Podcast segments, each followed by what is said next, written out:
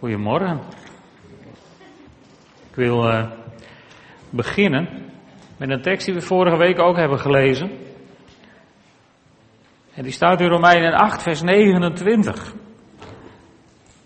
En waar ik het vanmorgen met jullie over wil hebben, is over het kind van God zijn. Vorige week hebben we een tekst gezien in Romeinen 8, vers 29. Waar, waar je kunt zien dat God ons al lang kende voordat wij er überhaupt werk van maakten om dichter bij God te komen.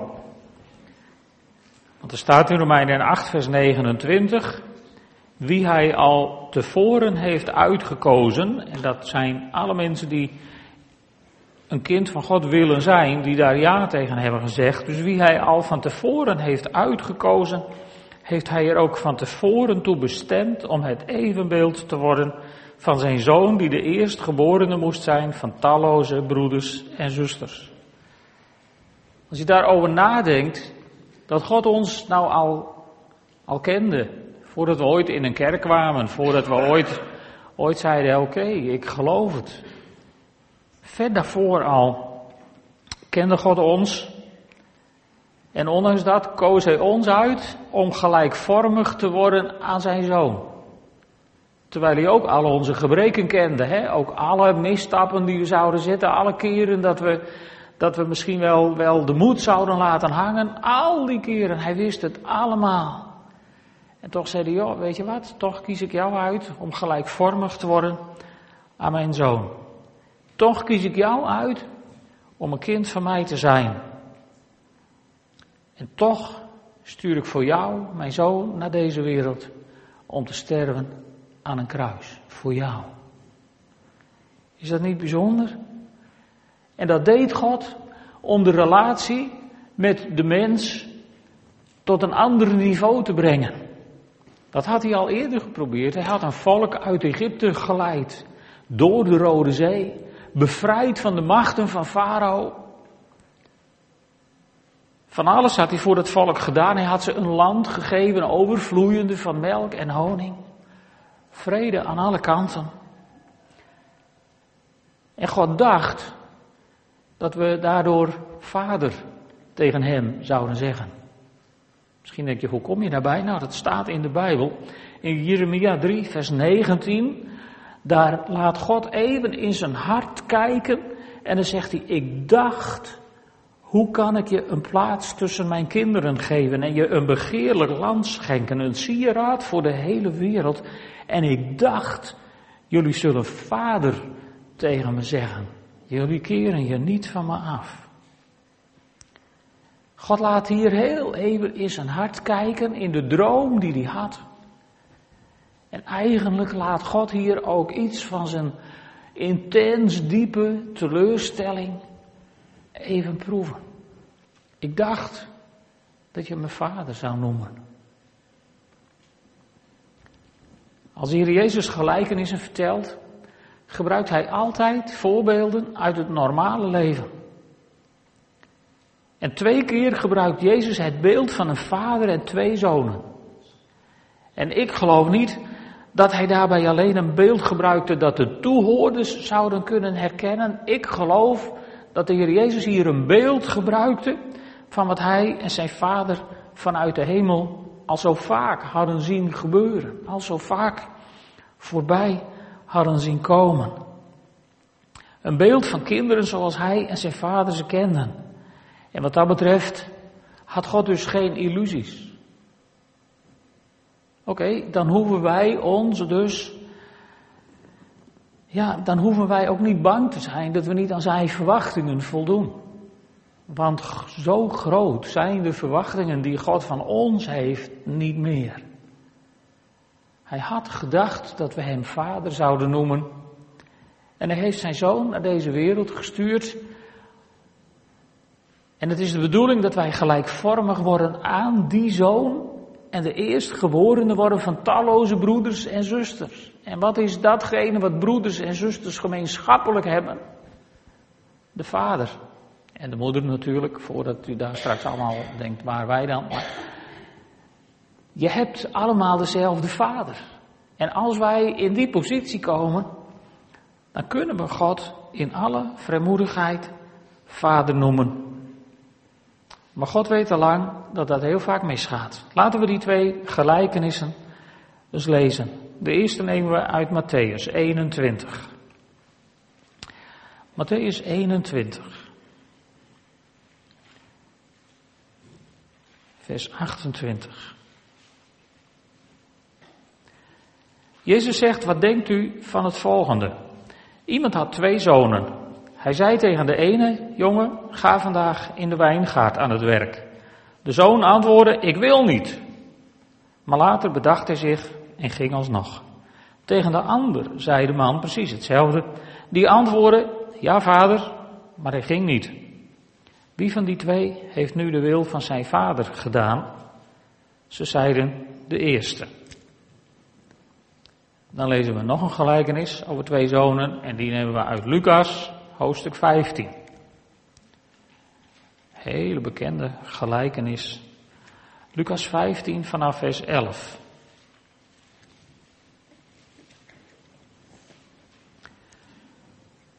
Vervolgens zei Jezus, iemand had twee zonen, zie je wel? De jongste van hen zei tegen zijn vader, Vader, geef mij het deel van uw bezit waarop ik recht heb. De vader verdeelde zijn vermogen onder hen. Na enkele dagen verzilverde de jongste zoon zijn bezit en reisde af naar een ver land waar hij een losbandig leven leidde en zijn vermogen verkwiste. Toen hij alles had uitgegeven, werd het land getroffen door een zware hongersnood en begon hij gebrek te lijden. Hij vroeg om werk bij een van de inwoners van het land die hem op het veld zijn varkens liet hoeden. Hij had graag zijn maag willen vullen met de peulen die de varkens te eten kregen, maar niemand gaf ze hem. Toen kwam hij tot zichzelf en dacht, de dagloners van mijn vader hebben eten in overvloed en ik kom hierom van de honger. Ik zal naar mijn vader gaan en tegen hem zeggen, Vader, ik heb gezondigd tegen de hemel en tegen u. Ik ben het niet meer waard uw zoon genoemd te worden. Behandel mij als een van uw dagloners. Hij vertrok meteen en ging op weg naar zijn vader. Zijn vader zag hem in de verte al aankomen. Hij kreeg medelijden en rende op zijn zoon af, viel hem om de hals en kuste hem. Vader, zei de zoon tegen hem, ik heb gezondigd tegen de hemel en tegen u. Ik ben het niet meer waard uw zoon genoemd te worden. Maar de vader zei tegen zijn knechten, haal vlug het mooiste gewaad, trek hem het aan, doe hem een ring aan zijn vinger en geef hem sandalen, breng het gemeste kalf en slacht het, laten we eten en feest vieren. Want deze zoon van mij was dood en is weer tot leven gekomen. Hij was verloren en is teruggevonden en ze begonnen feest te vieren. De oudste zoon was op het veld. Toen hij naar huis ging en al dichtbij was, hoorde hij muziek en gedans. Hij riep een van de knechten bij zich en vroeg wat dat te betekenen had. De knecht zei tegen hem, uw broer is thuisgekomen en uw vader heeft het gemeste kalf geslacht omdat hij hem gezond en wel heeft teruggekregen. Hij werd woedend en wilde niet naar binnen gaan, maar zijn vader kwam naar buiten en trachtte hem te bedaren. Hij zei tegen zijn vader, al jarenlang werk ik voor u en nooit ben ik u ongehoorzaam geweest als u mij iets opdroeg. En u hebt mij zelfs nooit een geitenbokje gegeven om met mijn vrienden feest te vieren. Maar nu die zoon van u is thuisgekomen, die uw vermogen heeft verkwanseld aan de hoeren, hebt u voor hem het gemeste kalf geslacht. Zijn vader zei tegen hem, mijn jongen, je bent altijd bij me en alles wat van mij is, is van jou. Maar we konden toch niet anders dan feest vieren en blij zijn, want je broer was dood en is weer tot leven gekomen. Hij was verloren en is teruggevonden. Als je deze twee verhalen leest, dan, uh, dan zou je de kinderen van God in twee groepen kunnen verdelen. De bewust bekeerden en de niet bewust bekeerden. De onbekeerden laat ik buiten beschouwing, want dat zijn geen kinderen van God. Dus heidenen, die spelen in dit verhaal even geen rol. Je zou de groepen ook anders kunnen noemen en dat wil ik eigenlijk vanmorgen doen. Ik zou het met jullie willen hebben over drie groepen kinderen. Kinderen van God uit overtuiging. Kinderen van God uit traditie of gewoonte. En als derde groep wil ik dan stilstaan bij kinderen naar Gods plan. Oké, laten we eerst eens kijken naar kinderen uit overtuiging. In Matthäus 21, vers 30, daar hebben we de zoon gezien die zei, ik wil niet. Maar later kreeg hij berouw en kwam hij tot inzicht dat dat niet kon. En toen ging hij toch. En in Lucas 15, daar hebben we zelfs een zoon gezien die van huis is weggelopen, die alles verspeeld heeft wat hij van God had gekregen. Maar hij komt tot zichzelf, tot inkeer zou je ook kunnen zeggen. En hij ging terug naar zijn vader. Hij was zich bewust dat hij geen enkel recht meer had en erkende dat ook tegenover zijn vader. Wat je opvalt als je dat leest is overigens dat hij niet goed begint voor wat hij voor ogen had, hè? vanuit zijn gezichtspunt. Hij was van plan om naar huis te gaan als personeel. Maar ja, als je als personeel thuiskomt, moet je niet beginnen met vader. Oh wel, want dat doet personeel niet. En daardoor viel zijn hele plan volgens mij in duigen. God had gedacht dat je hem vader zou noemen. En als je God benadert als personeel en je begint met vader, dan heb je vader bij zijn hart gegrepen. En dan ben je geen personeel meer, maar zodra je vader zegt, ben je toch kind geworden, of niet? Anders is het toch not dan om vader te zeggen. Er was niet één van de knechten op deze grote luxe herenboerderij die vader tegen de baas zei, hoor, echt niet. Heer, zeiden ze misschien wel, en u, maar vader, dat zou niet in hun hoofd opkomen. En deze jongen die denkt dat hij komt om personeel te worden. Maar ja, hij begint met vader en voordat hij er erg in heeft, heeft hij een nieuwe jas aan en een ring om zijn vinger en sandalen aan zijn voeten en een luchtje op en whatever. En is het feest. Als je vader, vader noemt, is het feest voordat je er goed en wel erg in hebt. Want het hart van vader, wat zo lang naar jou heeft uitgezien en, en gedacht heeft, God, ik had gedacht dat je me vader zou noemen. Dat hart, dat springt mijlenhoog van blijdschap om jou te ontvangen. Twee kinderen die een slechte start hebben, maar kinderen worden uit overtuiging. Het zijn dus degenen die niet gewoon klakkeloos doen wat vader hun gezegd heeft. Het merkwaardige is dat vanuit dit gezichtspunt de types die eerst de rebel uithangen, later de kinderen worden uit overtuiging. Iemand heeft dus gezegd, hoe groter de rebel als het over je kinderen gaat, hoe groter de roeping van God op hun leven. Ja. Na hun bekering hebben ze echter hun karakter over het algemeen behouden. En daardoor is het in een gemeente van kinderen uit overtuiging niet altijd even vredig. Het vonkt wel eens wat, want iedereen heeft zijn overtuiging. Hè? Iedereen, heeft zijn, zijn, iedereen heeft zijn visie, iedereen heeft zijn drive, iedereen heeft dat hart voor de vader waar hij voor gaat.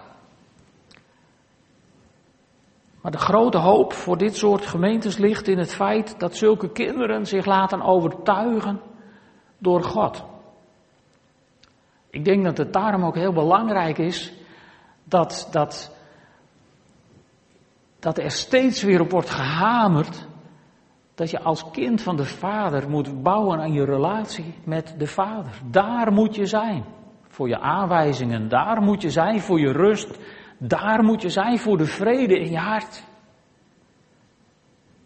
Dat mag nooit afhankelijk zijn van welke kerk, welke gemeente, welke spreker dan ook. Dat is tussen jou en Vader. Hij had gedacht dat je hem vader zou noemen. Niet dat ik dat voor je zou doen. En zo vinden we hier de ingrediënten in dit verhaal om een kind uit overtuiging te worden. Het begint met berouw, tot jezelf komen, tot inkeer komen. Daarna volgt er een bekering, van gedachten veranderen, en teruggaan naar de Vader. De volgende stap in het leven van deze zoon is de verbrokenheid in zijn leven. Het, het erkennen in de armen van vader, niet aan de voeten van vader in het stof. Je moet het verhaal thuis maar eens goed lezen en je dan even een plaatje, er, je moet het met je ogen dicht eigenlijk lezen. En je er een plaatje bij schilderen. Deze jongen die eindigt niet aan de voeten van vader in het stof. Hij eindigt in de armen van vader. Op gelijk niveau, zou je bijna zeggen. In een diepe huk. En daar komt hij tot verbrokenheid tot erkentenis dat hij de genade van de Vader nodig heeft. Maar die genade van de Vader was er al lang. Want Vader had al lang, had al lang zo lang een jas opgetild en die was hem rennend tegemoet gekomen. Die genade had hij al lang voordat hij er ooit één keer om vroeg. Want vader stond misschien al, ik weet niet hoe lang die weg is geweest, maar ik stel me voor, vader stond al jaren op hem te wachten. Met een hart vol van genade. Toen denk ik, ach jongen, kom toch thuis. Kom toch naar me toe. Die genade was er wel. Hij moest alleen die genade nog komen halen. En toen hij zei van, goh, het personeel van mijn vader heeft het veel beter dan ik hier in deze zwijnenstal. Letterlijk. Toen begon hij dat te zien. En toen dacht hij, weet je wat? Ik moet naar vader, ik moet naar huis. Ik moet daarheen waar de genade te halen is, want het werd hem niet bezorgd tussen de varkens. Hij moest ervoor naar huis. Hij moest ervoor richting papa. En zo komt hij thuis. Weet je, kinderen uit overtuiging, die lopen alleen één risico. De duivel zal alles doen om met die overtuiging aan de haal te gaan om die overtuiging zo uit zijn verband te rukken dat je wettisch begint te worden. Dat je onder de wet komt en als je onder de wet komt, ga je weer weg van de genade. En ga je weer weg van het kruis. Terwijl je daar juist moet zijn. En als je niet oppast, word je dan nog erger dan kinderen uit de traditie. Want kinderen uit gewoonte, Ach, die maakt het altijd niet zoveel uit. Maar juist als je dat, dat rebelse karakter in je hebt en een kind van God uit overtuiging bent geworden, is het heel belangrijk om telkens weer terug te komen in de armen van vader. Zodat je niet, ja, niet het, het goede van vader uit het oog verliest. Weet je, de fariseeërs in de tijd van Jezus waren echt kinderen uit overtuiging. Dat waren niet minkukels die gewoon van alles niks wilden. Het waren geen geboren dwarsliggers, het waren mensen met een diepe overtuiging. Maar de duivel was aan de haal gegaan met hun overtuiging, zodat ze, zodat ze dat wat Jezus kwam brengen niet meer zagen. En de Sadduceërs, daar lagen ze eeuwig mee overhoop. De kinderen uit de traditie of uit de gewoonte. In Matthäus 21 vers 29, hebben we die zoon gezien. Die zei, ja vader.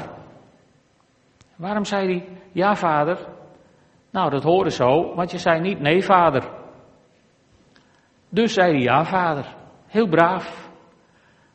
Maar vervolgens deed hij niet wat hem was gevraagd. We weten niet precies waarom niet. Misschien kwam er wel wat tussen. Dan was het leuks op de televisie. Of er kwam een vriend langs. Of whatever. Daar kun je van alles bij bedenken. Maar hij deed gewoon niet wat hem was gevraagd. En in Lucas 15, daar wordt het eigenlijk pas echt verdrietig. Want hier hebben we de zoon die wel voor de vader werkte, maar geen relatie met hem had. Je, je moet echt daar de komende week eens voor gaan zitten en dat stukje nog eens heel zorgvuldig lezen. Weet je wat mij opviel in dit stukje? Die oudste zoon, die komt het woord vader niet over de lippen. In tegenstelling tot de jongste zoon, waar hij zo op neerkeek. Die oudste zoon, die heeft het alleen maar over u. En die zoon van u. De minachting stroomt eruit. Want hij voelt zichzelf waarschijnlijk zo goed en zo groot, omdat hij zo hard werkt. En toen ik er van de week over nadacht, toen dacht ik, Waarom werkte die eigenlijk zo hard? Want op dag 1 van het verhaal komt de jongste op een lumineus idee en die zegt: Verdeel uw bezit onder ons. En wat staat er dan? De vader verdeelde zijn bezit onder hen. Hij geeft niet alleen die jongste zoon zijn deel, hij geeft ook die oudste zoon zijn deel. En, en nou, de wetten van Mozes kreeg die oudste dus twee keer zoveel dan de jongste. Want die kreeg het eerstgeboren deel er ook nog bij. Dus dan ben je in één keer herenboer geworden. En met alle respect. Maar wat deed die herenboer nou op het land? Daar had hij toch zijn personeel voor, of niet? Waarom was hij niet bij vader? Waarom was hij niet bij vader? Dan had hij de blijdschap van vader kunnen proeven toen de jongste zoon thuis kwam. Dat miste hij. Maar dat hoefde niet. Ik heb me dat de hele week afgevraagd. Wat deed hij daar nou toch in vredesnaam op het land? Hij pocht daar ook nog over. Want later in zijn, in zijn, kankeruurtje dan, dan zegt hij, ja vader, maar ik, ik heb altijd voor u gewerkt. En dan denk ik, vader, waarom zou u niet, het had mij niet gehoeven. Ik bedoel, daar had je toch personeel voor. En dan begint hij ook nog, en ik heb nooit een geitenbokje gekregen. Nee, hoe zou de vader hem een geitenbokje geven? De vader, die had niks meer. Die was arm en berooid, want die had zijn bezit verdeeld onder twee kinderen. Dus met alle respect, maar elk geitenbokje wat er op het erf rondsprong was van de oudste zoon. Hè? Dus ik bedoel, als iedereen op de barbecue had willen hebben, dan had hij dat gewoon moeten doen. Kinderen van God, alles van de Vader is van jou. Het behoort je toe. En als je iets ontbreekt, dan is het misschien veel handiger om de Vader te danken dat Hij het je ooit heeft gegeven. En vervolgens in bezit te nemen en je feest ermee te vieren. Dat had allemaal gekund. En dat heeft hij allemaal, allemaal voorbij laten gaan. Dit kind uit traditie. Weet je, ik denk traditie leidt vaak tot werken voor in plaats van gemeenschap hebben met. Werken voor brengt je, denk ik, vaker het veld in om, om, om, om later tegen vader te kunnen zeggen dat je ergens recht op meent te hebben. Maar je hoeft bij God je recht niet meer te verdienen. Op een dag hing je oudste broer, aan wie wij gelijkvormig geacht worden te worden, weet je nog? Zodat we vele broeders en zusters zullen worden na hem. Op een dag hing je oudste broer, hing die aan het kruis. En toen zei hij die beroemde woorden, het is nog niet klaar. Zei hij dat? Het is volbracht, ja. Waarom denken wij dan allemaal dat het nog niet klaar is? Waarom werken wij dan zo hard op het veld? Als Jezus zegt het is volbracht, dan bedoelt hij, lieve vrienden, het is nu klaar. De prijs is tot de laatste cent betaald. Het ligt nu allemaal voor je ter beschikking. Neem je deel ervan. Kom bij mij, neem je deel en geniet ervan. Want ik heb in alles voorzien. Dat is toch zo? Of geloven we dat niet echt helemaal? Wat zegt Jesaja over Jezus als hij aan het kruis hing? Hij droeg daar onze smarten, zonden. Door zijn striemen is ons genezing geworden. Nou, bedenk het zomaar. Hij hing daar niet voor één dingetje. Hij hing daar niet voor, voor, voor één heel klein stukje. Hij hing daar voor alles zodat jij jouw erfdeel van de Vader kon krijgen. En dat ligt voor je klaar, lieve vrienden. Kom je het halen? Hij had gedacht dat je vader tegen hem zou zeggen: Papa, ik ben een broertje van Jezus Christus. En ik kom genieten van mijn erfdeel. in uw armen, in uw aanwezigheid.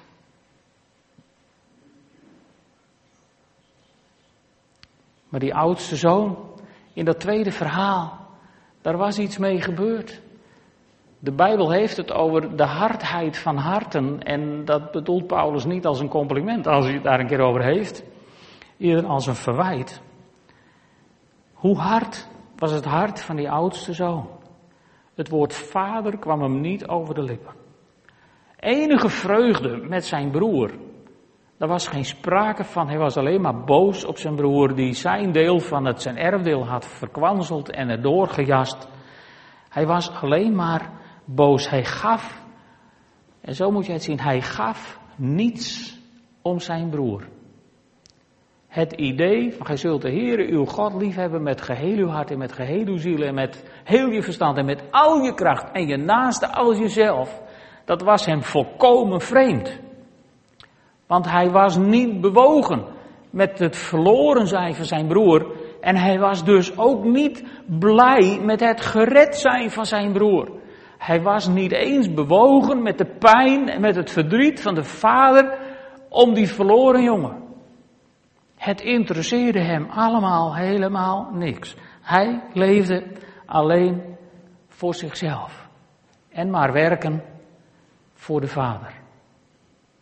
Weet je, dat is het risico als je kind bent uit traditie. Kind uit gewoonte. Waarom ben je hier eigenlijk vanmorgen gekomen?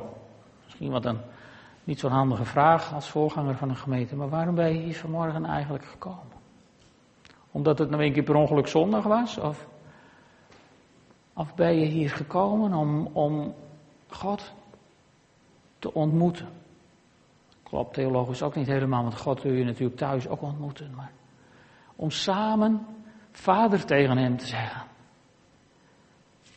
Waarom zou je überhaupt in je Bijbel lezen? Waarom zou je überhaupt elke dag de moeite nemen om, om even met hem te praten? Het kan uit gewoonte. En, en talloze generaties zijn ons voorgegaan, met alle respect, maar die dienden God uit gewoonte. Omdat niemand ze geleerd heeft om die intieme persoonlijke relatie met vader te hebben. Maar dat is nou juist waar God zo waanzinnig naar verlangt. Volgens mij zegt God in de hemel nog steeds tegen Jezus aan zijn rechterhand: Ik had toch echt gedacht dat ze me vader zouden noemen. Maar ze hebben het nog steeds over Heer en over U. En er is nog steeds afstand tussen ons. En de uitnodiging is om in de armen van Vader te springen dicht aan zijn hart te zijn. Zijn daarom tradities en gewoontes verkeerd? Nee, absoluut niet. Voordat jullie dat straks allemaal mee naar huis nemen, dat idee, wil ik even met jullie naar het Oude Testament. Op een dag is Mozes dood en Jozua is ineens de leider geworden van het volk. En hij moet het volk brengen in het beloofde land. En wat is er tussen hem en het beloofde land? Water. Jozua had kunnen denken, hé, hey, die ken ik nog. Van Mozes. Dus als ik mijn stap erover uitstrek, dan huppelen wij naar de overkant. Maar zo werkte het niet. Hij kon niet in de traditie van Mozes door de Jordaan. Ze moesten hun blote voetjes in de Jordaan zetten. En toen verdween het water. Dat ging anders. Ze konden ook niet door de Jordaan achter de wolkolom aan, want die wolkolom die was er niet meer. Er was nu een ark. Dus hij kon niet in de traditie van Mozes door het water. Hij kon ook niet in de traditie van Mozes de ene staat naar de andere veroveren. Je leest nergens in Jozua dat Jozua boven op een berg zat met zijn handen in de lucht en twee man naast hem om die handen omhoog te houden. Zo werkte dat niet net als bij de Amalekieten. Jozua moest alles anders doen als wat hij bij Mozes had gezien. Maar, voordat het zover was, kreeg Jozua van God de opdracht om één oude traditie in ere te herstellen. Weet je welke? Hij moest alle mannen van het volk besnijden. De traditie was er wat uitgeraakt. De besnijdenis, het teken van het verbond. God had gezien van hé, dat teken van het verbond, dat zijn jullie kwijtgeraakt. En ik wil eerst het verbond met jullie, het verbond van de besnijdenis hè, met het volk Israël. Ik wil eerst het verbond met jullie hersteld hebben. En dan gaan we beloofd land veroveren. Ik wil eerst dat je terugkomt aan het hart van de Vader. En dan gaan we beloofd land veroveren. Dan gaan we er tegenaan. Dus Jozua moest van het volk weer kinderen maken naar Gods plan. Over kinderen naar Gods plan staat ook een heel mooi verhaal in de Bijbel. Er staat in alle drie de evangeliën, maar voordat Marcus nu vanavond gefrustreerd is, lezen we dat uit Marcus. Hoofdstuk 12. Weet je, wat zou het plan van God zijn? Nou, dit is het plan van God. Als je nieuwsgierig bent naar het plan van God, heb ik geweldig leesvoer voor je. Het beste boek op aarde. Zorg dat je er een van krijgt, of als je alleen hebt, lees hem. En als je hem uit hebt, begin je gewoon weer opnieuw. Zorg dat je erachter komt wat het plan van God is.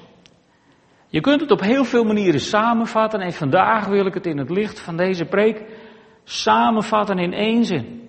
Gods plan is dat we een vader-kind relatie met Hem hebben en zoveel mogelijk mensen naar zo'n relatie leiden. Zelf een vader-kind relatie hebben met God en zoveel mogelijk mensen meenemen naar God.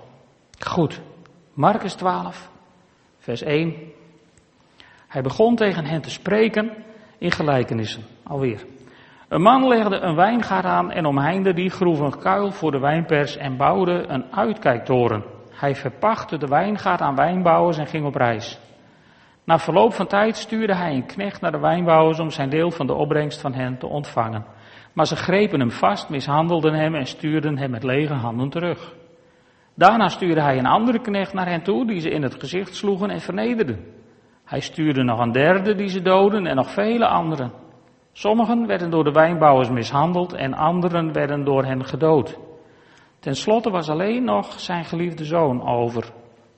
Die stuurde hij als laatste naar hen toe met de gedachte: Voor mijn zoon zullen ze wel ontzag hebben. Zie je hier, ze zullen wel vader tegen me zeggen. Het is hetzelfde idee wat God heeft. Voor mijn zoon zullen ze wel ontzag hebben. Maar de wijnbouwers zeiden tegen elkaar: Dat is de erfgenaam. Kom op, laten we hem doden, dan is de erfenis van ons. Ze grepen hem vast en doden hem en gooiden zijn lichaam buiten de wijngaard. Het kind naar Gods plan kwam om datgene wat God toekwam op te halen.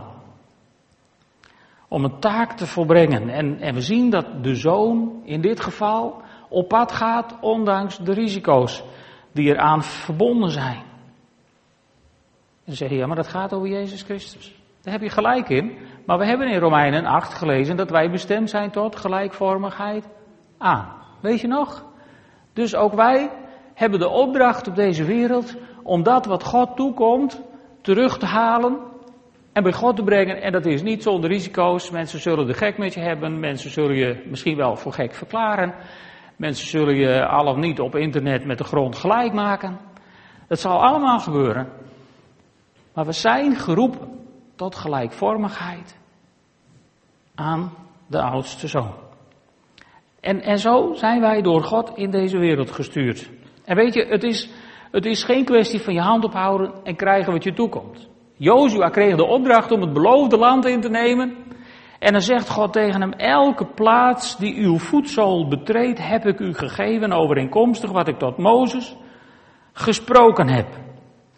Dus je zou denken, dat Jozua dacht, nou weet je wat, ik doe even een uh, nette jas aan en ik uh, zorg dat ik even goed, uh, goed voor de dag kom. En ik klop even aan op de voordeur van Jericho. En dan komt de burgemeester met de sleutels. En hij zegt, alsjeblieft meneer Jozua, komt u binnen meneer Jozua, ik wens u een goed verblijf hier in Jericho, meneer Jozua. Maar zo werkt het niet. Jozua moet elke stad die ze tegenkomen, die moeten ze veroveren ten koste van bloed, zweet en tranen. Behalve Jericho, want daar juichen ze de boel ondersteboven. Maar daarna moet er gewoon geknokt worden voor elke meter die ze willen hebben. Terwijl God zegt, ik zal het je geven. Ja, maar het geven van God is vaak even iets anders dan wat wij daar misschien onder verstaan. En zo mag Jozua als een kind naar Gods plan dat beloofde land in bezit nemen. En God zegt, en overal waar jij je voeten zet, geef ik het jou. Dus eigenlijk, wat had Jozua het meeste nodig? Ik denk dat Jozua meer behoefte had aan hele grote sandalen dan aan een heel groot zwaard. Misschien moeten we ze uitzagen straks, hè, die daar achter op de muur hangen, riempje erom, dan heb je hele grote voeten. En dan kun je tegen de vijand zeggen, hier was ik. Dit is van mij. En dit is van mij. En dat is van mij. God wil alles aan je geven. Zijn daarbij tradities verkeerd? Nee, tradities zijn absoluut niet verkeerd, zolang je ze maar niet, zolang ze je maar niet in de weg staan om vader te zeggen tegen God. Zolang ze je maar niet in de weg staan om in de armen van God aan het vaderhart te zijn. En wat je dan tegen God wilt zeggen, hè, dat maakt allemaal niet zoveel uit. Weet je, dat troost mij zo. Die oudste, of die jongste zoon, die komt bij de vader en die eindigt in een omarming bij de vader en die is van plan om zoiets doms te zeggen. Ik ben niet waard uw zoon te zijn, maak mij maar personeel. Nou, hoe dom wil je het hebben? En vader die, die kijkt hem niet aan en zegt, dat is dom wat je zegt. Hij krijgt geen uitbrander, hij krijgt geen standje. Vader hoort het niet eens. Want vader is niet bezig met mijn bekrompen opvattingen over vader. Vader is bezig met zijn verheven opvattingen over mij. En die heeft me de feestjas al aan voordat ik er erg in heb. Zou het een idee zijn om zo aan de vooravond van een nieuw seizoen gewoon op te staan en naar de Vader te gaan? En dan geen domme dingen zeggen, maar gewoon zeggen: Vader, dan weet Hij wel genoeg. Zullen we samen bidden? Mag ik jullie vragen op te staan?